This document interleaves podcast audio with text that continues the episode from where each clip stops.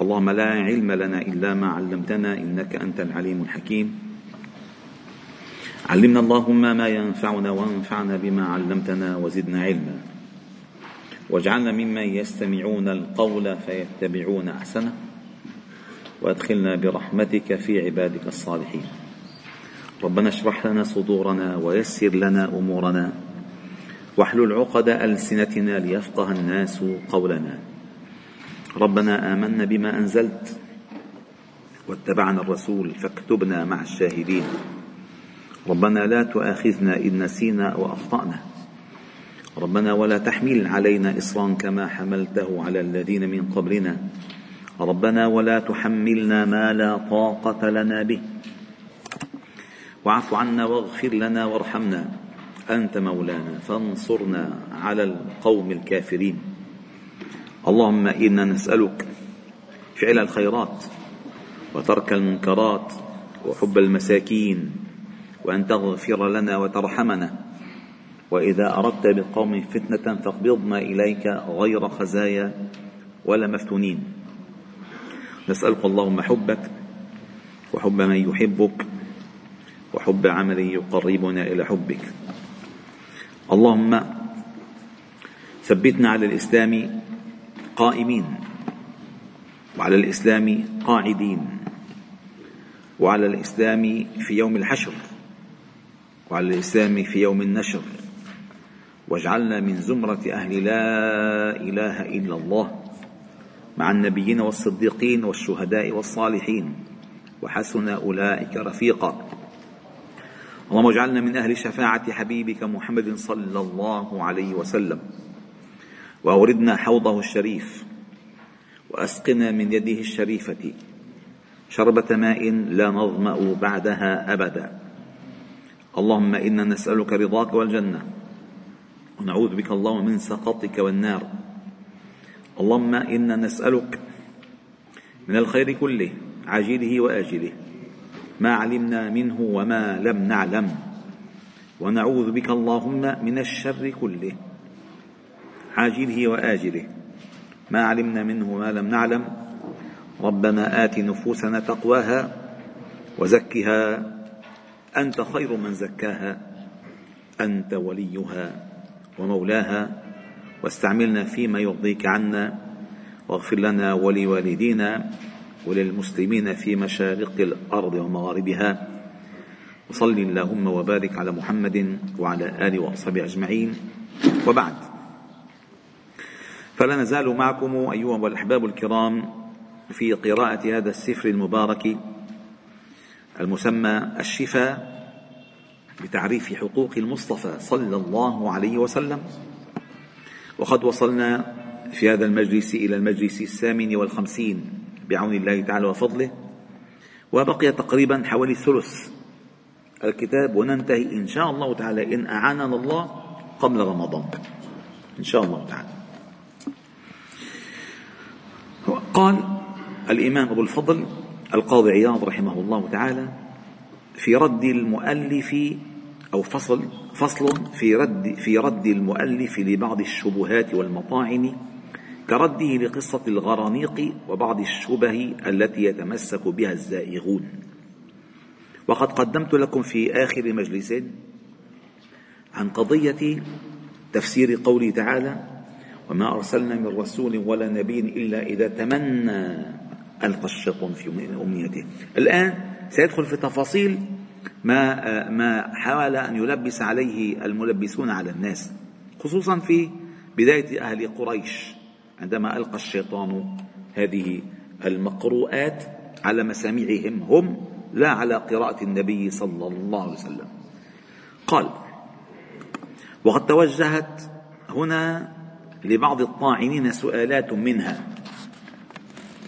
ما روي من, من أن النبي صلى الله عليه وسلم لما قرأ سورة النجم والنجم وقال أفرأيتم اللات والعزى ومناة الثالثة الأخرى؟ قال تلك الغرانيق العلا وإن شفاعتها لترتجى. ويروى ترتضى. وفي رواية إن شفاعتها لترتجى وإنها لمع الغرانيق العلا وفي رواية أخرى قال والغرانقة العلا تلك الشفاعة ترتجى. قال فلما ختم السورة سجد النبي صلى الله عليه وسلم وسجد المسلمون معه والكفار لما سمعوه وأثنى على آلهتهم. وما وقع في بعض الروايات أن الشيطان ألقاها على لسانه صلى الله عليه وسلم وأن النبي صلى الله عليه وسلم كان تمنى أن لو نزل عليه شيء يقاربه بينه وبين قومه. وفي رواية أخرى ألا ينزل عليه شيء ينفرهم عنه. وذكر هذه القصة. وأن جبريل عليه السلام جاءه فعرض عليه السورة. فلما بلغ الكلمتين قال له ما جئتك بهاتين؟ فحزن لذلك عليه وسلم فأنزل الله تعالى عز وجل عليه تسلية له. وما أرسلنا من قبلك من رسول ولا نبي إلا إذا تمنى. ألقى الشيطان في أمنيته. فينسخ الله ما يلقي الشيطان ثم يحكم الله آياته. والله عليم حكيم. قال وقوله تعالى وإن كادوا ليفتنونك عن الذي أوحينا إليك لتفتري علينا غيره وإذا لاتخذوك خليلا ولولا أن ثبتناك لقد كدت تركن إليهم شيئا قليلا. فاعلم. هذا أورد الشبه التي ينطلق منها الزائغون. ولكن نحن عندنا قواعد. ما فائدة القواعد أيها الأحباب الكرام؟ يعني أصول القواعد أنه إذا كان متمسكا بها خلاص لن, لن تنطلي عليه الشبه. لن تنطلي. بيعرف الفعل مرفوع والمفعول به منصوب والفعل لا يدخل عليه إلا التعريف في قواعد ثابتة. فمهما واحد اجى أنك عندي قواعد. نحتكم إلى القواعد. ونحن بداية قلنا أن يسلم معصوم ولا يمكن والخطأ عنه ممنوع في التبليغ. الخطأ عنهم ممنوع في التبليغ حتى لا يلتبس على الناس ما يقرأه عليهم. فما بالكم وظنكم بكلام يوهم أنه مقارب لما هم عليه؟ والغرانيق الغرانيق قيل أنها التماثيل والأصنام وقيل أنها الملائكة. لأن الملائكة كانوا يعبدونها من دون الله. كانوا يعبدونها. فكل هذه الشبه لا تنطلي على صاحب العقيدة والذي يتمسك بأصول القواعد. لذلك ضعاف النفوس دائما يؤخذون بالشبه. بالشبه. لا والله مضبوط كيف ها كيف ها منافقو عصر النبوة لم يأخذوا ذلك وسيلة وذراعة للطعن في الإسلام. هلا بدك تاخذ أنت وسيلة. اسمعوا. قال فاعلم وفقك الله أن لنا في هذا في الكلام على مشكل هذا الحديث مأخذين. أحدهما في توهين أصله والثاني على تسليمه. يعني أصل سندي وهن ثم أن نسلم بما فيه كذلك من مضبوط أما المأخذ الأول فيكفيك. هلا سيتحدث الآن بالمهنة الحديثية. قال فيكفيك.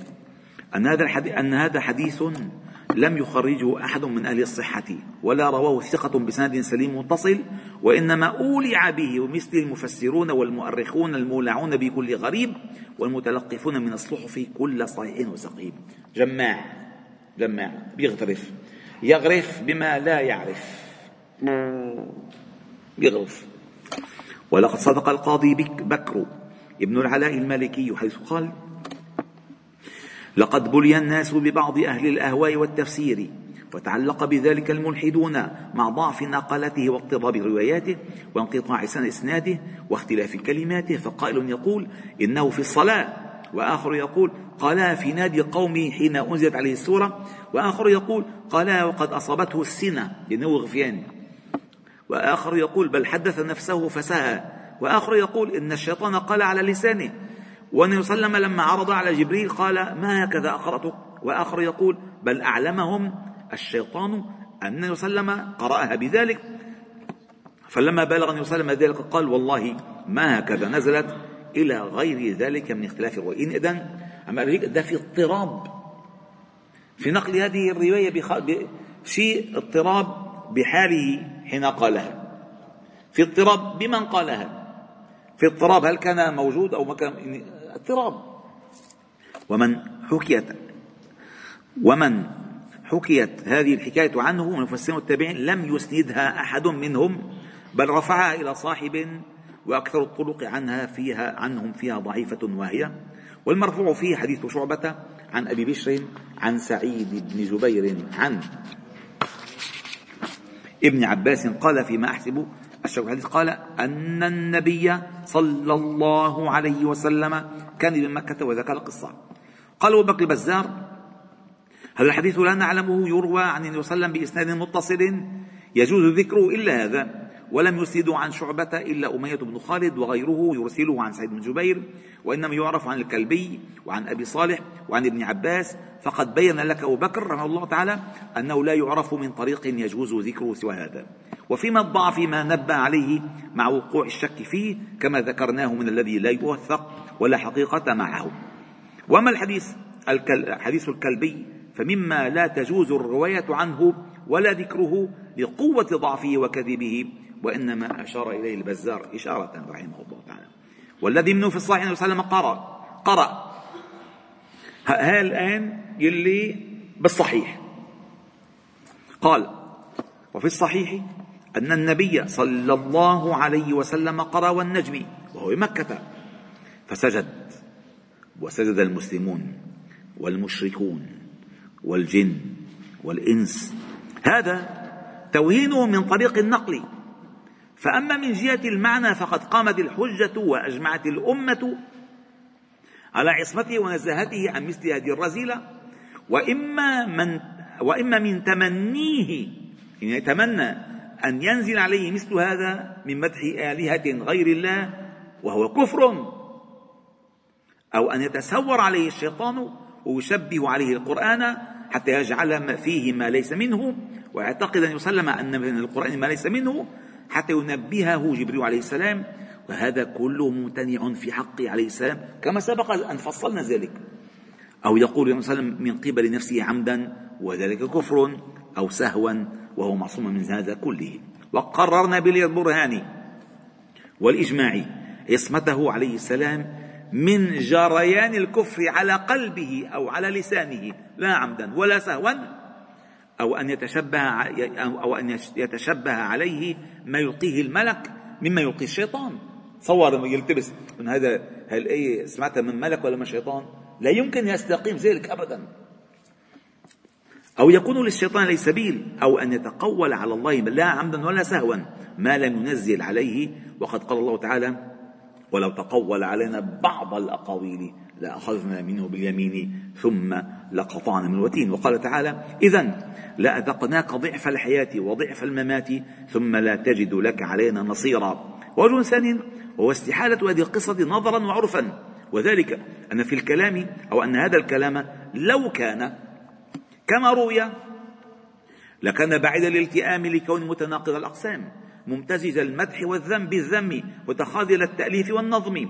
ولما كان النبي صلى الله عليه وسلم ولا ولما ولما كان يسلم ولا من حضره ولا من بحضرته من المسلمين وصل قريش يخفى ممن يخفى عليه ذلك. كيف كان انتشر انتشار كبير. وهذا لا يخفى على أدنى متأمل فكيف بمن رجح حلمه واتسع في باب البيان ومعرفة فصيح الكلام علمه. وجه ثالث وهذا قوي الوجه قوي جدا. وجه ثالث أنه علم من عادة المنافقين ومعادين المشركين وعاندي المشركين وضعفة القلوب وللمسلمين نفورهم لأول وهلة وتخليط العدو على النبي صلى الله عليه وسلم لأقل فتنة وتعييرهم المسلمين والشمات بهم الفينة بعد الفينة وارتداد من في قلبه مرض ممن أظهر الإسلام لأدنى شبهة ولم يح ولم يحكي أحد. في هذه القصة شيئا سوى هذه الرواية الضعيفة التي أصلها. ما حدا مرض أنه هو صار هيك؟ قلبوا المسلمون صاروا عند المشركين. ما صار هيك. ولا تعير المسلمون بذلك. أنه هذا النبي عم يقرأ عم عم يلبس على الناس أبدا. ولو كان ذلك لوجدت لوجدت لوجدت قريش بها على المسلمين الصولة والفرصة يعني. ولا أقامت بها اليهود عليهم الحجة. كما فعلوا مكابرة في قصة الإسراء والمعراج حتى كانت في ذلك لبعض الضعفاء ردة تعرفون لما قال لهم أنا كنت في بيت المقدس معقولة؟ طيب ليش ما هذيك اشتهرت هذه ما اشتهرت؟ لأن ضعيفة لا قيمة لها قال وحتى كانت في ذلك لبعض ضعفاء الردة وكذلك ما روي في قصة القضية أي, أي بيعة الرضوان اسمها قضية يعني بيعة الحديبية يعني ولا فتنة أعظم من هذه البلية لو وجدت ولا تشغيب للمعادي حينئذ أشد من هذه الحادثة لو أمكنت فما روي عن معاند فيها كلمة ولا عن مسلم بسببها بنت شفعة فدل على بطلها واجتثاث أصلها. ولا شك في إدخال بعض الشياطين الإنس أو الجن هذا الحديث على بعض مغفلي مغفلي المحدثين ليلبس به على ضعفاء المسلمين. وجه رابع ذكر الرواة لهذه القضية أن فيها نزلت وإن كادوا ليفتنونك عن الذي أوحينا إليك لتفتري علينا غيره.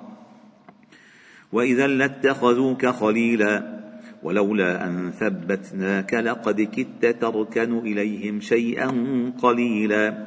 قال وهاتان الآيتان تردان الخبر الذي رووه لأن الله تعالى ذكر أنهم كادوا يفتنونه حتى يفتري. وأنه لولا أن ثبته الله لكاد يركن إليهم. فما ركن إليهم وما افترى. وهذه هي صريحة ثابتة فمضمون هذا ومفهومه أن الله تعالى عصمه من أن يفتري. وثبته حتى لم يركن لم يركن إليهم شيئا قليلا. فكيف كثيرا؟ يعني الله نزهه عن الركن القليل. وما بس هيك ولو ركن قليلا إذا لا أذقناك ضعف الحياة. وإن وإنما أذقهم أبدا النصر. كان النصر والتمكين. فالشيء القليل لو وقع وحاشا أن يقع لكان حصل ما حصل. فإذا لا القليل وقع ولا ضعف العذاب وقع. إذا ما حصل القصة كلها من أول آخره ودائما الحجة أقوى الحجج القرآن. أقوى الحجج القرآن. قال وهم وهم يروا يروون في أخبارهم الواهية أنه زاد على الركون والافتراء بمدح آلهتهم وأنه قال عليه السلام افتريت على الله وقلت ما لم يقل وهذا ضد مفهوم الآية وهي تضعيف الحديث لو صح فكيف ولا صحت صحة له. وفي مثل وهذا مثل قوله تعالى في الآية الأخرى ولولا فضل الله عليك ورحمته لهمت طائفة منهم أن يضلوك.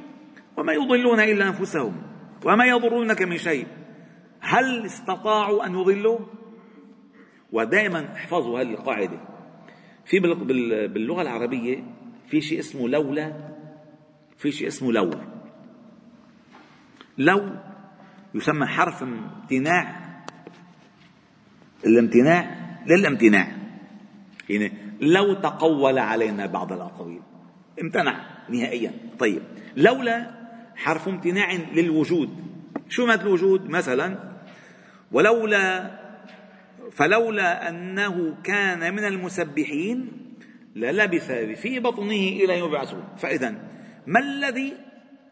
هذه لولا اسمها حرف امتناع للوجود. يعني هناك شيء حصل فامتنع وجود اللبس في الحوت. ما الذي وجد حتى امتنع لبس يونس في بطن الحوت؟ التسبيح. فوجود التسبيح منع مكوس يونس في بطن الحوت. فهمتوا كيف؟ وهنا قال ولولا فضل الله عليك. طيب هل الله تعالى تخلى عن فضله عليه؟ ابدا. فاذا لا أضلوه وما استطاعوا وما استطاعوا أن يجعلوا يركن شيئا قليلا إليه.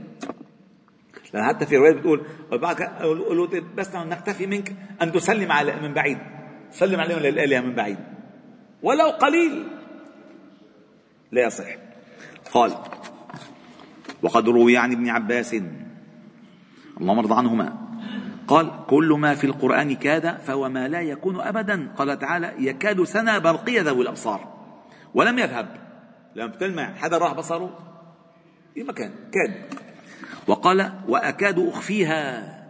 أي ولم يفعل. يعني هذه الساعة إن الساعة آتية أكاد أخفيها. ما معنى أكاد أخفيها أي لم لم أجعل لها علامات. في موجودة علامات بعيدة قال القشيري القاضي ولقد طلبه قريش وثقيف إذ مر بآلهتهم أن يقبل بوجهه إليها. هاي مثلا. حتى هيدا ما صليت. لذلك الأشياء الخطرة يا أستاذ همام خطرة وأبو عماد بيعرف هالشغلة كثير خطيرة. مثلا بنروح مفوض نحن مفوض الأعداء مشان ترسيم حدود مثلا اتفاق على نفط أو على غاز مثلا أو على انسحاب أو تسليم أسرى جثث مثلا. رحت. لا الضحكة لا العبطة لا العصير لا الصورة.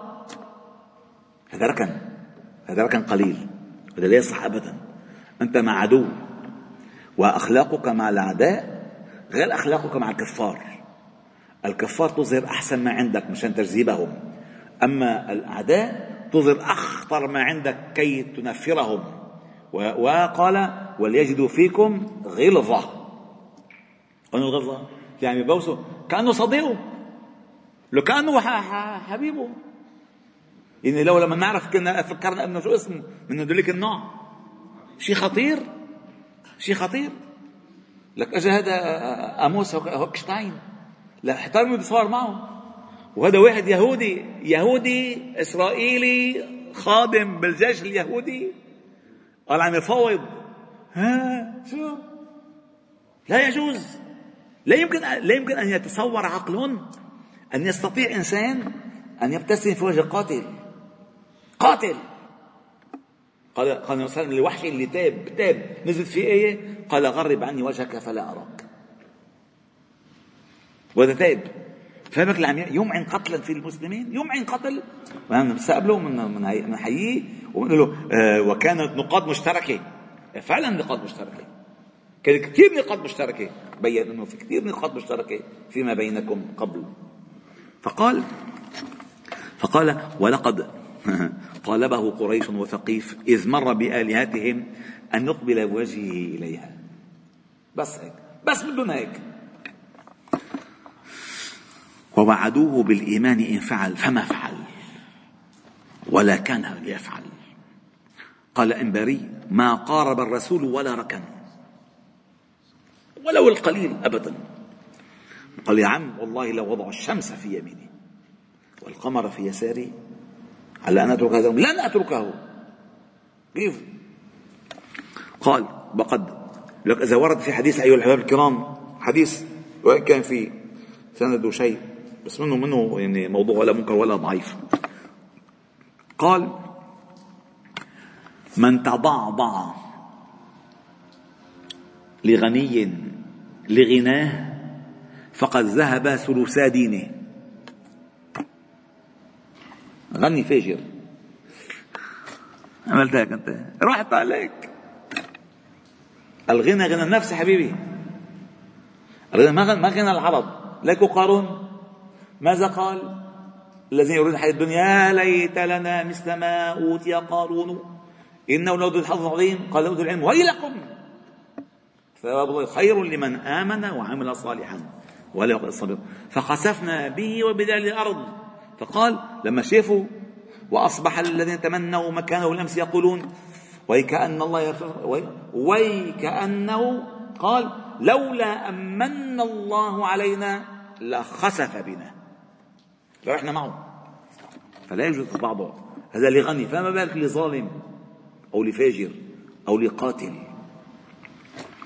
وقد ذكرت ذكرت في معنى هذه الآية تفاسير أخرى أخر وما ذكرناه في من نص الله تعالى عليه وسلم يرد سف سف سفسافها سفسافها فلم يبق في الآية إلا أن الله تعالى امتن على رسوله بعصمته وتثبيته مما كاده به الكفار وراموا من فتنته ومرادنا من ذلك تنزيهه وعصمته صلى الله عليه وسلم وهو مفهوم الآية. مفهوم 100% وأما المأخذ الثاني فهو مبني على تسليم الحديث لو صح وقد أعاذنا الله من صحته. أعاذنا من صحته. ولكن على كل حال فقد أجاب على ذلك أئمة المسلمين بأجوبة من الغث والسمين. فما فمنها ما رواه قتادة مقاتل وسلم. أصابته سنة عند قراءته هذه السورة هذه السورة فجرى هذا الكلام على لسانه بحكم النوم. نعم عم يحاولوا يدافعوا عن الموضوع بالتأويل. لا يا أخي وهذا لا يصح. إذ لا يجوز على النبي صلى الله عليه وسلم مثله في حالة من أحواله. ولا يخلقه الله على لسانه ولا يستولي الشيطان عليه في نوم ولا يقظة لعصمته بهذا الباب من جميع العمد والسهو. وفي قول الكلبي أن النبي صلى حدث نفسه فقال ذلك الشيطان على لسانه. وفي بن شهاب قال عن أبي بكر بن عبد الرحمن قال سها وسها فلما أخبر بذلك قال إنما ذلك الشيطان وكل هذا لا يصح. أن يقول صلى الله عليه وسلم لا سهو ولا قصد ولا تقوله أشار على لسان آريس أبدا. وقيل لعنه صلى الله عليه وسلم قاله أثناء تلاوته في تقدير, في تقدير التقرير والتوبيخ للكفار كقول إبراهيم عليه السلام هذا ربي. على أحد التأويلات. وكقوله بل فعل كبير هذا فبعد السكت وبيان الفصل من الكلمين ثم رجع إلى تلاوته. وهذا كله تأويلات بعيدة. الأصل أن تقرأ القرآن وتقرأ من القرآن ما يوضح لك القرآن. هذا الأصل. لذلك من جميل ما كتب في تفسير القرآن في العصر ليس القديم المتقدم العصر يعني من 100 سنة أو أقل بقليل ما كتبه الإمام الشنقيطي في أضواء البيان في تفسير القرآن بالقرآن. حوالي 11 مجلد. أضواء البيان في تفسير القرآن بالقرآن. قال وكقوله تعالى وهذا ممكن مع بيان الفصل وقرينة تدل على المراد وأنه ليس من المتلو وهو أحد ما ذكر القاضي أبو بكر. فلا يعترض على هذا بما روي أنه في الصلاة. فقد كان الكلام فيها قبل غير ممنوع. والذي يظهر ألا تبغون. والذي يظهر ويترجح في تأويله عنده وعند غيره من المحققين على تسليم عليه وسلم كان يرتل القرآن ترتيلا ويفصل الآية تفصيلا في قراءته كما رسخت لا يمكن أن يعقل أنه وسلم يخطئ أبدا. إن علينا جمع وقرآنا فهذا أخطأ. الخطأ ممن وجمعه في صدره وهذا لا يمكن أن تتصور. والنبي صلى الله عليه وسلم معصوم سنقرئك فلا تنسى. كيف يسوي قال فيمكن ترصد الشيطان؟ فيمكن ترصد الشيطان لتلك السكتات ودسه فيها ما اختلقه من تلك الكلمات. يعني هو ممكن الوجه القريب. أنه كيف سمعوا المشركين هيك الشيطان ألقى في قراءته ولم يقرأ عليه وسلم ولم يقرأ شيئا. أسمعهم الشيطان من صوته. الشيطاني من صوت النبي. طبعا. قال محاكيا نغمة النبي صلى الله عليه وسلم بحيث يسمعه من دنا إليهم الكفار فظنوها من قوله صلى الله عليه وسلم وأشاعوها ولم يقدح ذلك عند المسلمين بحفظ السورة قبل ذلك على ما أنزل الله تعالى أو تحققهم من حال النبي صلى الله عليه وسلم في ذم الأوثان وعيبها. يعني ما تصور النبي صلى الله عليه وسلم من أول ما طلع بمكة يعمل لهم هذه أصنام لا تغني شيئا. آخر شيء يعقل يسمعوه عم يمدحها لا يمكن. وقد حكى موسى بن عقبة في مغازيه نحو هذا وقال إن المسلمين لم يسمعوها وإنما ألقى الشيطان ذلك في أسماع المشركين وقلوبهم ويكون مروي من حزن وسلم لهذه الإشاعة والشبهة وبسبب هذه الفتنة. يعني لما حزن لأن تلبس على الناس ما ألقاه الشيطان. ثم قال الله تعالى قال وما أرسلنا من قبلك من رسول ولا نبي إلا إذا تمنى ألقى الشيطان في أمنيته فينسخ الله ما يلقي الشيطان ثم يحكم آياته والله عليم الحكيم فمن فمعنى تمنى أي تلا. قال الله تعالى لا يعلمون الكتاب إلا أماني أي تلاوة. وقوله فينسخ الله الشيطان أي يذهبه ويزيل اللبس به ويحكم آياته. وقيل معنى الآية هو ما يقول وسلم من السهو إذا قرأ فينتبه لذلك ويرجع عنه. وقال نحوه من وهذا نحو من قول الكلبي في الآية إنه حدث نفسه وقال إذا تمنى أي حدث نفسه. وفي رواية أبي بكر عبد الرحمن نحوه وهذا السهو في القراءة إنما يصح فيما ليس طريقه تغيير المعاني. إن الظالمين لفي نعيم مقيم. ما معقولة المسألة تصير في يقول مثلا في يخطئ الإنسان إن آه، آه، إن إن المؤمنين في جنات وعيون أو في جنات وأنهار. يخطئ. بس ما يخطئ بالمعنى الأساسي. إيه؟ نعم قال. وهذا السهو في القراءة إنما يصح فيما ليس طريقه تغيير المعاني وتبديل الألفاظ وزيادة ما ليس في القرآن بل السهو عن إسقاط آية منه أو كلمة نسيها. ولكنه لا يقر على هذا السهو بل ينبه عليه ويذكر به الحين على ما سنذكره في حكم ما يجوز عليه ما سوى ما لا يجوز. وما يظهر في تأويله أيضا أن مجاهدا روى القصة قال والغرانقة العلا فإن سلمنا القصة قلنا لا يبعد أن هذا كان قرآنا والمراد بالغرانقة العلا أن شفاعتهن لا ترتجى هي الملائكة على تأويل على على هذا التأويل في الرواية. وبهذا فسر الكلبي الغرانقة أولا لأن الملائكة شفاعتهم ترتجى. ولكن بإذن الله. الملائكة تشفع وذلك أن الكفار كانوا يعتقدون أن لو سنوا الملائكة بنات الله كما حكى الله عنهم ورد عليهم في هذه السورة ألكم الذكر والأنثى. فأنكر الله كل هذا ولم من قولهم ورجاء الشفاعة الملائكة صحيح. لما فلما تأولوا المشركون على أن المراد بها الذكر الذكر الذكر لآلهتهم ولبس عليهم الشيطان ذلك وزين في قلوبهم ألقاه إليهم نسخ الله ما ألقى الشيطان. وأحكم آياته. ورفع التلاوة تلك اللفظتين اللتين وجد الشيطان بهما سبيلا للتلبيس كما نسخ من القرآن ورفع التلاوة. والنسخ في القرآن يقع. لأن في علماء يقول لا يقع نسخ نسخ في القرآن. والآية واضحة ما ننسخ من آية أو نسيها؟ نأتي بهم أو مثلها الله تعالى ينسخ ما يشاء ويرفع ما يشاء. يثبت الله ما يشاء ويمحو الله يشاء ويثبت. قال كما نسخ كثير من القرآن ورفع تلاوته وكذا في إنزال الله تعالى ذلك حكمة وفي نسخه حكمة ليحكم الله آياته ليضل من به من يشاء ويهدي من يشاء وما يضل به إلى الفاسقين. قال الله تعالى اسمعوا الآيتين كثير خطيرين. قال ليجعل ما يلقي الشيطان فتنة للذين في قلوبهم مرض.